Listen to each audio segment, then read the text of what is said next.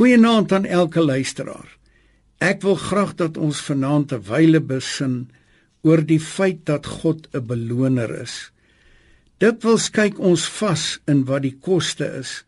Maar as ons besef dat God 'n beloner is, dan sien ons die koste in 'n heel ander lig.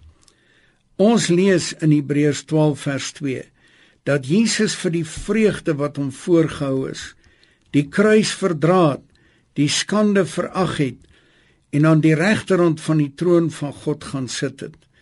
Die nuwe direkte vertaling sê dat Jesus ter wille van die vreugde wat vir hom in die vooruitsig gestel is, die kruis verduur het en die skande daarvan gering geag het.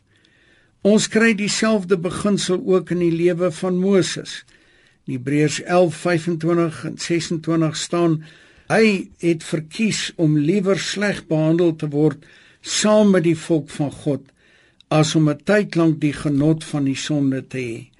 En die smaad van Christus groter rykdom geag as die skatte van Egipte want hy het uitgesien na die beloning.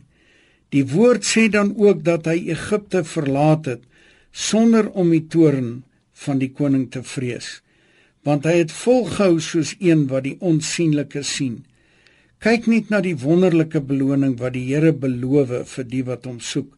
Psalm 34 vers 11 sê dan ook: Die jong leeu's ly armoede en het honger, maar die wat die Here soek, het geen gebrek aan enige iets nie. So dikwels kyk Christen gelowiges net vas teen hoe moeilik dit soms is om jou Christendom in hierdie wêreld uit te lewe. Ons kan so besig wees met die stryd teen ons vlees en teen die wêreld en teen die duiwel dat ons God se beloning skoon miskyk. Dit is deur ons oog op die beloning te hou dat ons kan volhard. Dawid sê die wat die Here soek het geen gebrek aan enige iets nie. Dit is oor en oor die moeite werd om die Here te dien. Die skrywer van Hebreërbrief sluit baie later hierby aan in Hebreërs 11 vers 6 wanneer hy sê En sonder geloof is dit onmoontlik om God te behaag, want hy wat tot God gaan moet glo dat hy is en 'n beloner is van die wat hom soek. Amen.